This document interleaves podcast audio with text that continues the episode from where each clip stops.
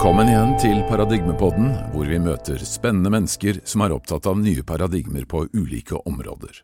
Mitt navn er Terje Toftnes. I denne episoden, nummer 36, skal vi snakke om et fenomen som sikkert de fleste har hørt om, men som mange er svært skeptiske til. Det dreier seg om psykiske medier. Det er folk som hevder å være i kontakt med enten avdøde mennesker eller andre typer bevisstheter fra en ikke-fysisk verden, også utenomjordiske entiteter eller bevisstheter i andre dimensjoner. Spekteret er rikt, og mediene er mange. Vi kjenner dem fra annonser i ukeblader til liveopptredener på TV eller på konferanser og festivaler. Hundrevis av bøker er skrevet om dem og av dem. Flere av disse mest kjente mediene har vært gjenstand for inngående forskning, og helt fra tilbake på slutten av 1800-tallet har studier av psykiske medier vært drevet på universiteter og i laboratorier mange steder på kloden, ikke minst i England. Rapportene som konkluderer med at noe uforklarlig foregår, er massive, og det er nærliggende å trekke konklusjoner om at noen medier virkelig har evner til å hente verifiserbar informasjon som de ikke hadde noen mulighet til å finne på annen måte. Vi skal i denne episoden møte det britiske mediet Gordon Smith fra Glasgow, som Ragnhild og jeg traff for ti år siden. Han er internasjonalt kjent og har gjennom mange år blitt kalt Storbritannias mest treffsikre medium. Han er også kjent for aldri å ta betalt for sine readinger. Gordon Smith har vært gjenstand for hele sju år med testing ved Glasgow University av professor Archie Roy, leder av The Scottish Society of Psychical Research, og de oppsiktsvekkende resultatene ble publisert i tre vitenskapelige tidsskrifter.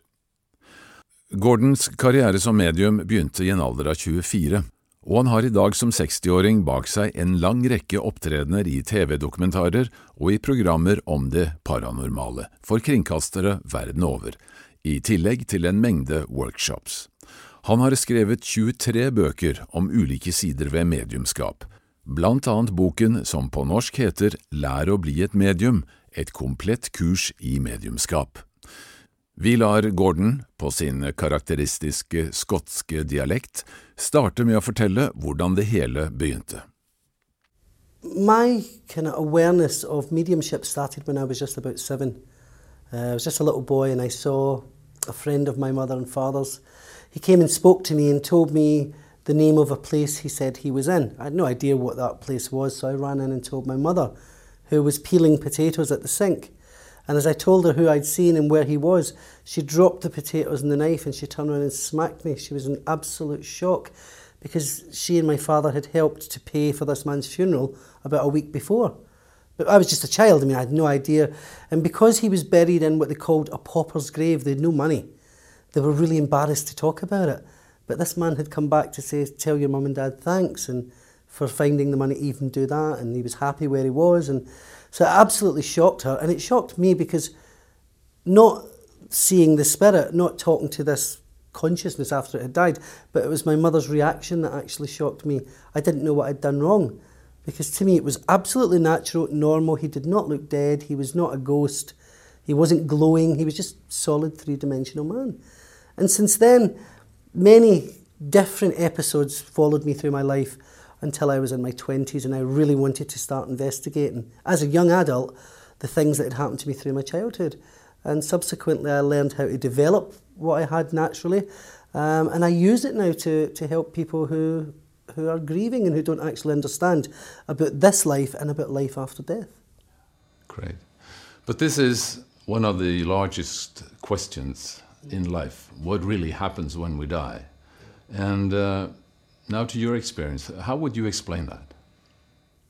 When we physically die, the consciousness doesn't even stop for a moment. To me, the consciousness is already existing in that higher state, and it's its connection to our physical world, to our human life.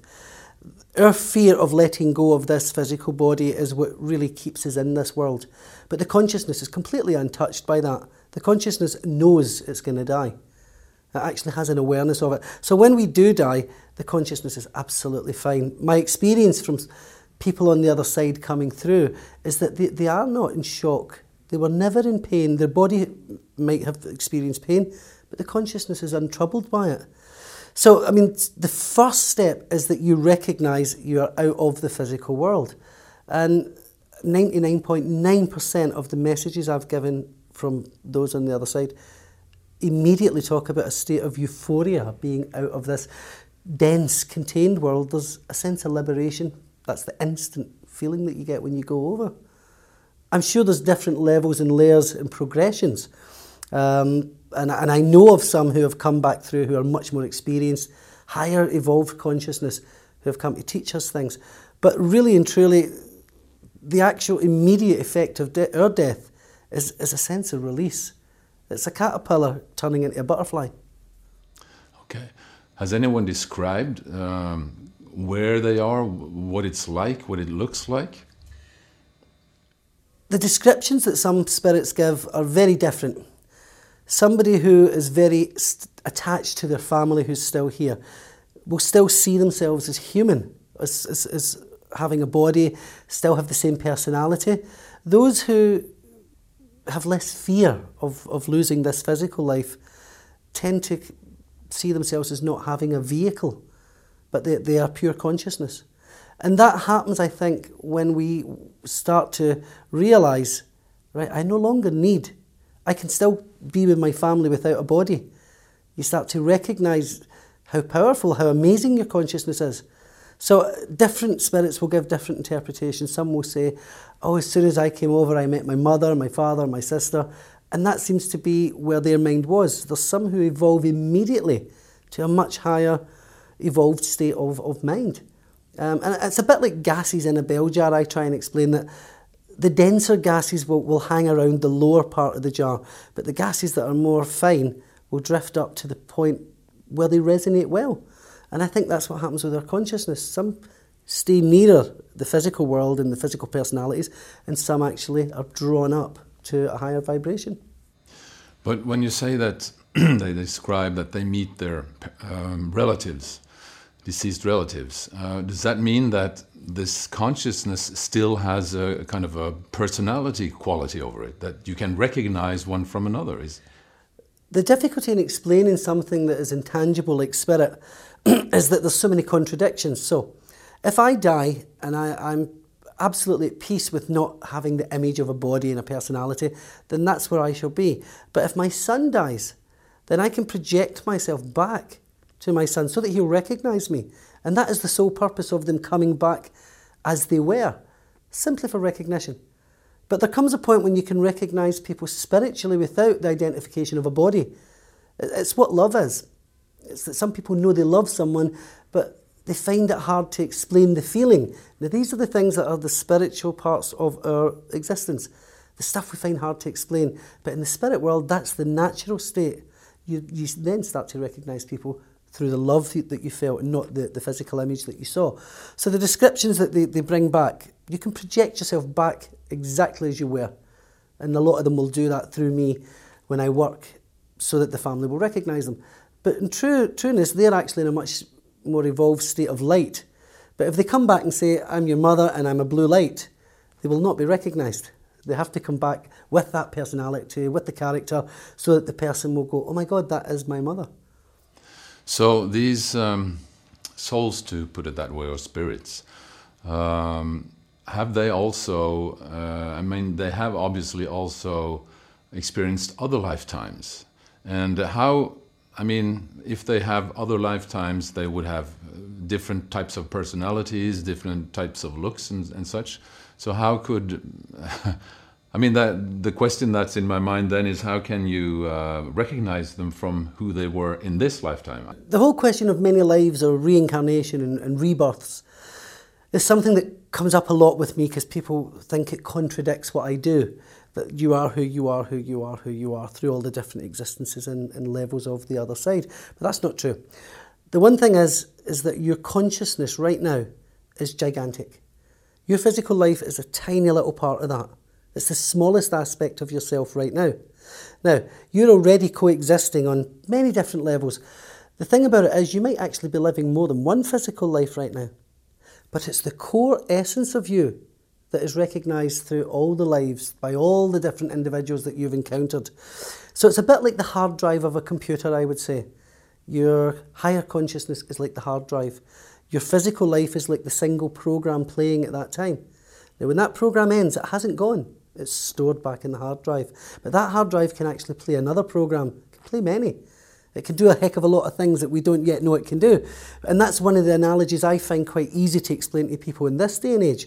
So, when I give a message, I literally download somebody's file from their hard drive.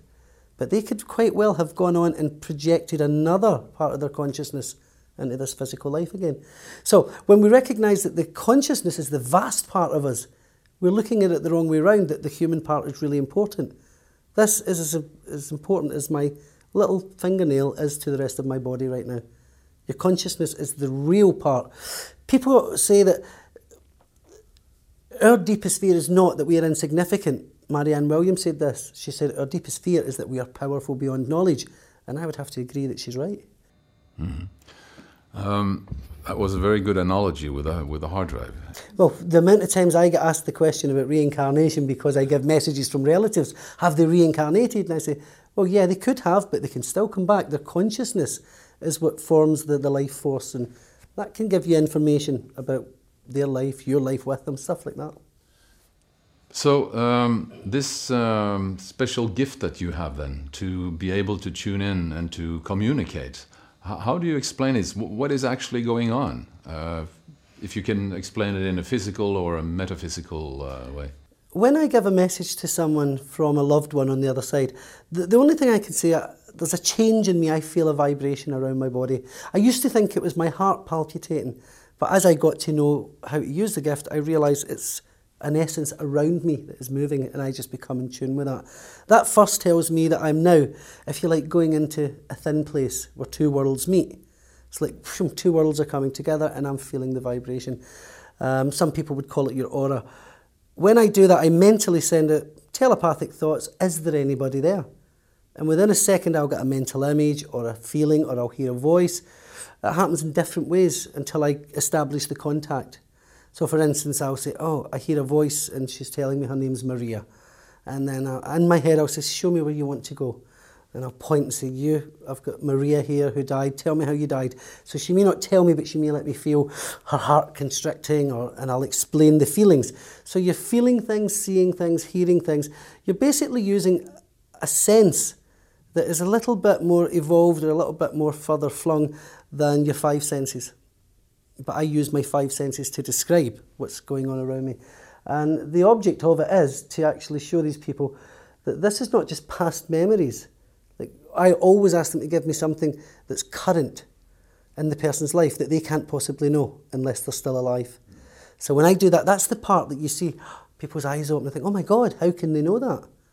Because it just happened today. And I said, yeah, but they obviously saw it. So that's the part that I love because there's then a recognition as oh, if they haven't died, then wow, then I'm not going to die. That's, that's a beautiful thought for people. You can't die for the life of you. But what is it that you have that most other people don't have? I think some people are born with an aptitude for special things.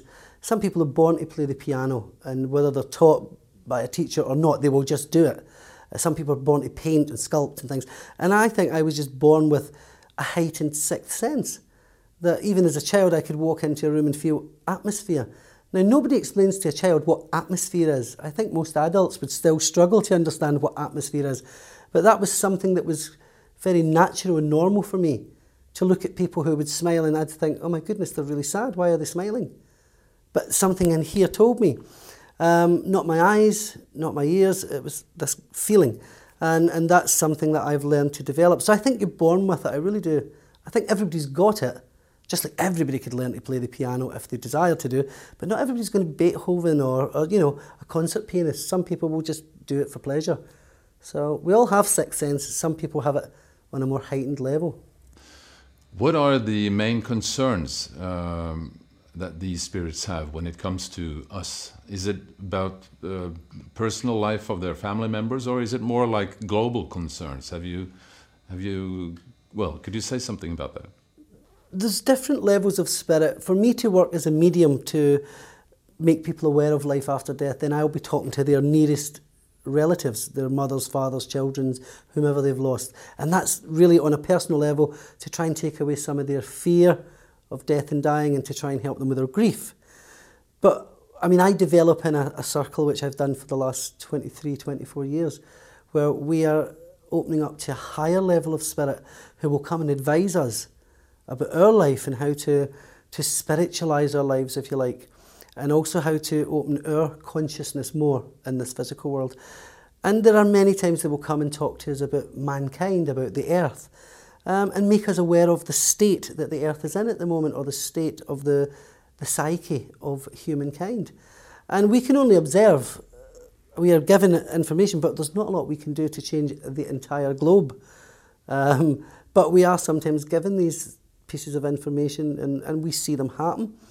And when we're given something and we see it play out, then you think, well, that's an intelligent source that's just told us something was going to happen, and it did. And I think part of that is for us to trust these teachers on the other side. So, so that's the first thing. And then basically, they're giving you guidance on your work. My work as a medium is to help those who have lost loved ones, but it's also to try and open the awareness of, any anyone that I meet, to try and inspire them enough to look deeper than just I'm Mr. So and so and I exist from there to then. No, you don't. And, and it's your duty to look after this life. So we have to instruct people on take responsibility for this life because it's more than just your human existence. So you would describe uh, the afterlife as a place where there actually is a hierarchy, of, of a spiritual hierarchy. Is that right? I think there's a, a sense of hierarchy only in the fact that it's more evolved without there being um, status. I think one of the most beautiful things about spiritual worlds is that, unlike human worlds, there would be hierarchy that would dominate and rule. I think the more spiritual a mind becomes or a consciousness, the more gentle it becomes and the less arrogant. There's a sense of lack of ego with those who are more developed as opposed to here. In the physical world, as people gain success or fame, they would become more egocentric and stuff. In the spirit world, it's the opposite. And therefore, beauty is seen in its gentleness and its grace. Uh, wisdom and compassion is what people would, I would assume, the more higher evolved a spirit is, the more you are touched by that, those two beautiful virtues, wisdom and compassion. But yeah, that comes from the highest, I would say. Have you ever heard any explanations of why we choose to come down on this earth in our physical beings? I mean, this is a horrible place for many people to be. The physical world I have often explained is the most dense realm of spirit. This is a realm of spirit, but it's a realm of consciousness that is so dense that we have manifested a physical being. This physical being has got consciousness in it, but without it, literally we are, well, basically we are free, we are, we are ether. I think the idea we come into this world is to feel the constriction, to feel the limits and the boundaries that this world puts on us. I don't think it's a punishment by any means. I mean, it is like, I don't think there's a realm lower than it, like hell. I think this is it. This is heaven and hell. And um, basically, we come in here to learn the lessons because we have eons, timelessness in the spirit world. So, to first of all contain yourself within a physical body that is contained within time is, is must be quite an experience if you're over there free thinking, I need to try that and also to give yourself these hurdles and problems because from the spirit world, this physical life is over like that. It's not a long time, time doesn't exist. So I think we come in to give ourselves experiences to add to our hard drive. You see, we build, by this life, I now add to my hard drive the experiences I've just got here. So that hard drive gets expanded by the experiences that it's found in this very contained life. How would you explain uh, God within this uh, context? I think God, there's a strangeness there because there's obviously some force of creation. And I think God's basically too religious a, a, a word for me. God is life, I would say. God is everything. That, that divine that's in us uh, is God. I often think, though, that God did not create man in his image, that man actually created God in his image because we created a man with long white hair and a beard. And I'm sure God looks nothing like that. To me, God is the light, the life force that's in all living creatures, not just man. Everything that has a consciousness is God or God-like. Mm-hmm. Is this planet the only place where physical life exists in the universe? I think, given the, the fact that this universe is like beyond our comprehension, it would be really, really idiotic to assume that life existed just on this one tiny little sphere, which to the whole universe is practically nothing. So I, I would assume that the universe can sustain life practically throughout it. I'm sure there's the universe by its own nature is life, and that there will be forms of life there, greater and lesser than us. What do you say to people who meet this uh, kind of uh, conceptual explanation for the first time? Well, I think we've actually come to a different stage of life. We've been through a, a part of our life that is science based and people wanting answers. And the young are very intelligent just now, they're so bright. And I think that also they're so sensitive. I've never met so many sensitive people in my life, under 20 in the last 10 years. And I think they need a feeling answer as well. So I, I think that this kind of programme hits out in two levels. That there is a scientific intelligent side that says here is one explanation but there's also another explanation in, that needs investigating which is the self which is the higher self which is the self at another level. So i would hope that that would open people's minds that it would plant a seed. Is there something more to me than this? I hope so. But you're never going to know if you don't investigate it and that's the whole thing about this journey. Scientific or spiritual both need investigating.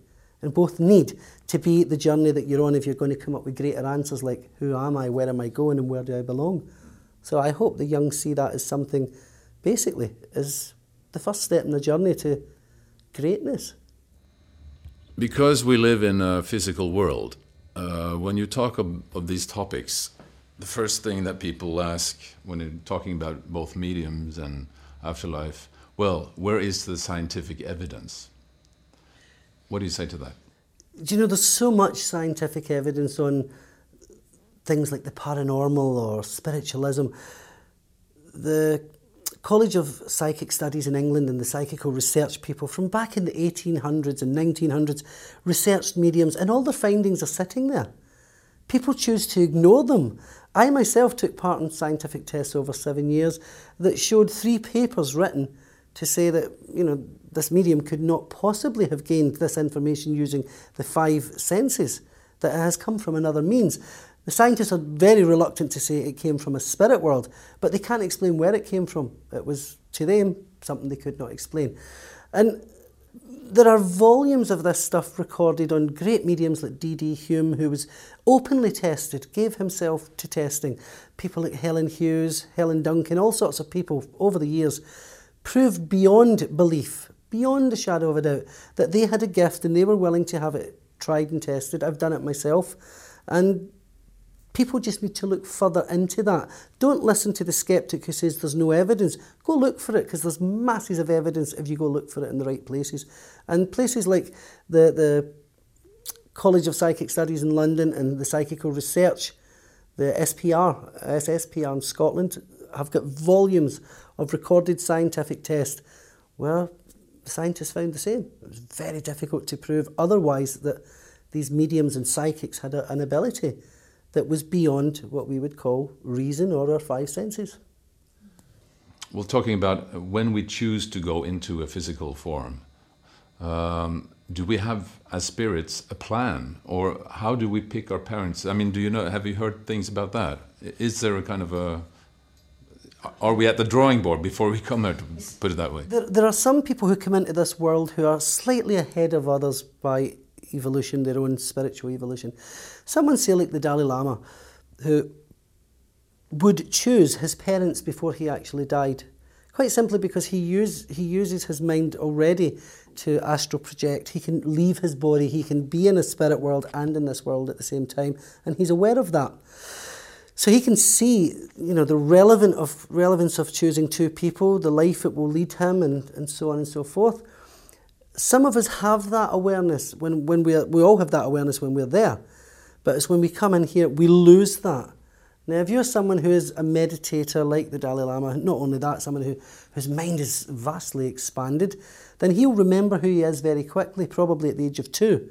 Oh, wait a minute, I came here to do something, I'm the Dalai Lama.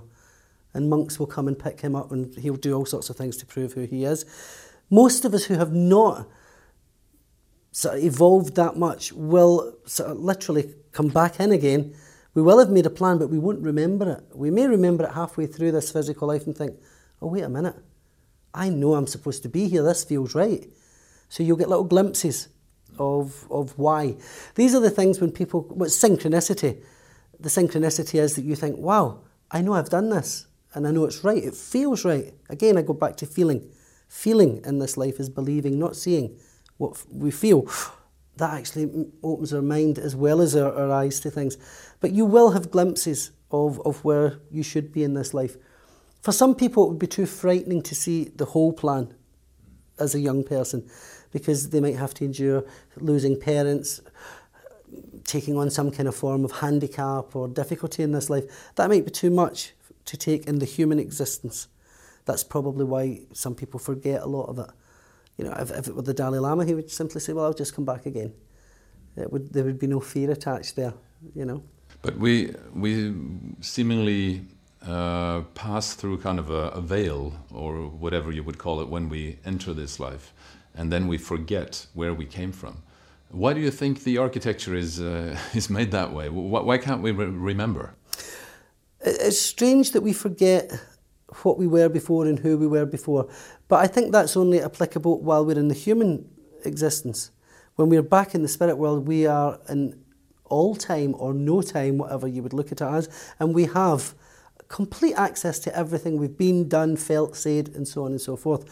It's in this life we, we don't we aren't able to harness that amount of energy in, in the physical brain and the human mind. We're not, we're not able to contain it. That would be like putting a, a car battery, an automobile battery, onto a little transistor radio. It couldn't hold the power. You see, so the human mind becomes narrow when, when we first come back in again. And I think it's, that would be a bit like asking a tree, did it remember last year that I had lots of leaves? But I'm sure at some level it knew it did. yeah, that's right. Um, have you, in your experience, uh, heard about people uh, that have been, or their spirits have been uh, other uh, physical forms, not humans? I mean, have have I been an animal before, to put it that way? I mean, I have never actually heard that through a communication from the other side that a person had once been a beast or an animal or, or an insect or whatever.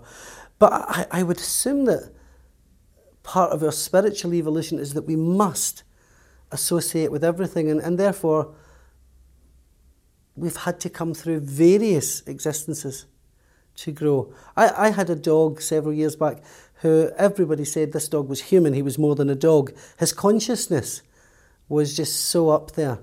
And he was so clever, he was a little thief, but he was a clever thief. And I thought, that dog thinks, he's cunning. And I thought, that is not dog brain, that is human brain. And it was one of my Tibetan friends once says to me, you know what, he's probably been a very naughty monk in his last life and he's had to come back in this contained form to make amends and, and find some way. That was just her take on it, but it wouldn't surprise me. So the last question: uh, Do you experience that people are more interested in these uh, topics now than they were 10 or 15, 20 years back? I came into work in, in the me whole mediumship field about 23 years ago, and in that time I have seen a massive change in the type of people that come along. Much younger people are coming along to learn, much more people. Um, sometimes I would work in America to 3,000 people a night that would come along for a talk on the afterlife. So that tells you that there's people there. And I think that's, that's, that's quite natural at the moment because people are frightened in this world. We live in a world that's frightening people with terrorism and all sorts of thoughts of loss of money, loss of everything. So people get fear of loss. So they start to then, this is when the world starts to look at its spiritual side, at its bigger side. That happened during wars when people got frightened. The spirituality opened up. Uh, we're coming to that point again, so it's natural. And I think, again, these people are making plans to come in and remember quicker. See, we don't really learn a lot in this life. We, if we're lucky, we remember. Well, thank you so much, Gordon. Thank you. You're welcome. Extremely interesting. wow. Stor takk til Gordon Smith, og hvis man vil vite mer om ham eller hvor han treffes, så er nettsiden hans gordonsmithmedium.com, altså gordonsmithmedium.com. I Paradigmepodden skal vi komme tilbake til andre medier i senere episoder, for dette er etter min oppfatning et fenomen som igjen er med på å utfordre vårt materialistiske verdensbilde og spesielt fordi forskningen på dette er så omfattende og ofte særdeles overbevisende, så kan det ikke bare bortforklares som tryllerier, juks eller fantasering, som skeptikerne gjerne vil ha det til. Vel, jeg minner igjen til slutt om vårt eh, VIPS nummer 524005, 524005, og takker igjen alle de som vil være med og støtte oss videre. Så ser jeg frem til å møtes i neste episode av Paradigmepodden.